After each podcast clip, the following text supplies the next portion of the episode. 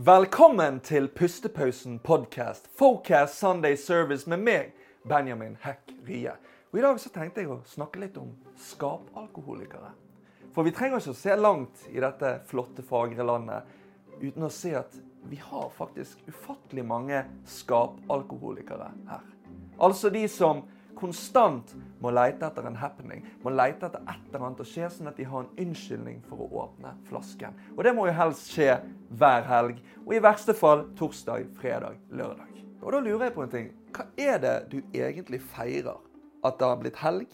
Da må du gjerne se på livet ditt generelt. For jeg føler det at det er utrolig mange som er redd for å være seg sjøl. Og du henger rundt i en haug med folk som du ikke klarer å være rundt uten å være i beruset tilstand. For du er gjerne redd for at de ikke vil akseptere deg for den du faktisk er. Og når du da drikker og er litt full, så tør du å være deg sjøl, for da kan jo du bruke den unnskyldningen dagen etterpå. Hvis folk syns du er helt på trynet, så kan du si 'Vet du hva?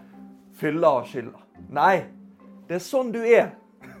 Og du er bare redd for å vise det, for du er redd for at folk ikke vil akseptere deg. Ikke da bedre at du heller er deg sjøl fra starten av, så ser du hvem som faktisk liker deg for deg? Det er det store spørsmålet. Er det virkelig så vanskelig? Det er mye mer vanskelig å konstant gå rundt og spille en rolle. Kommer du hjem, det er ikke rart du må åpne deg en pils da. Du har jo vært skuespiller hele dagen. Du har jo vært på jobb uten å være på jobb. Bare en ting å tenke på. Anyways, husk det at i en moderne verden har vi alle lik verdi. It's good to be you, and it's good to be hack. Farvel.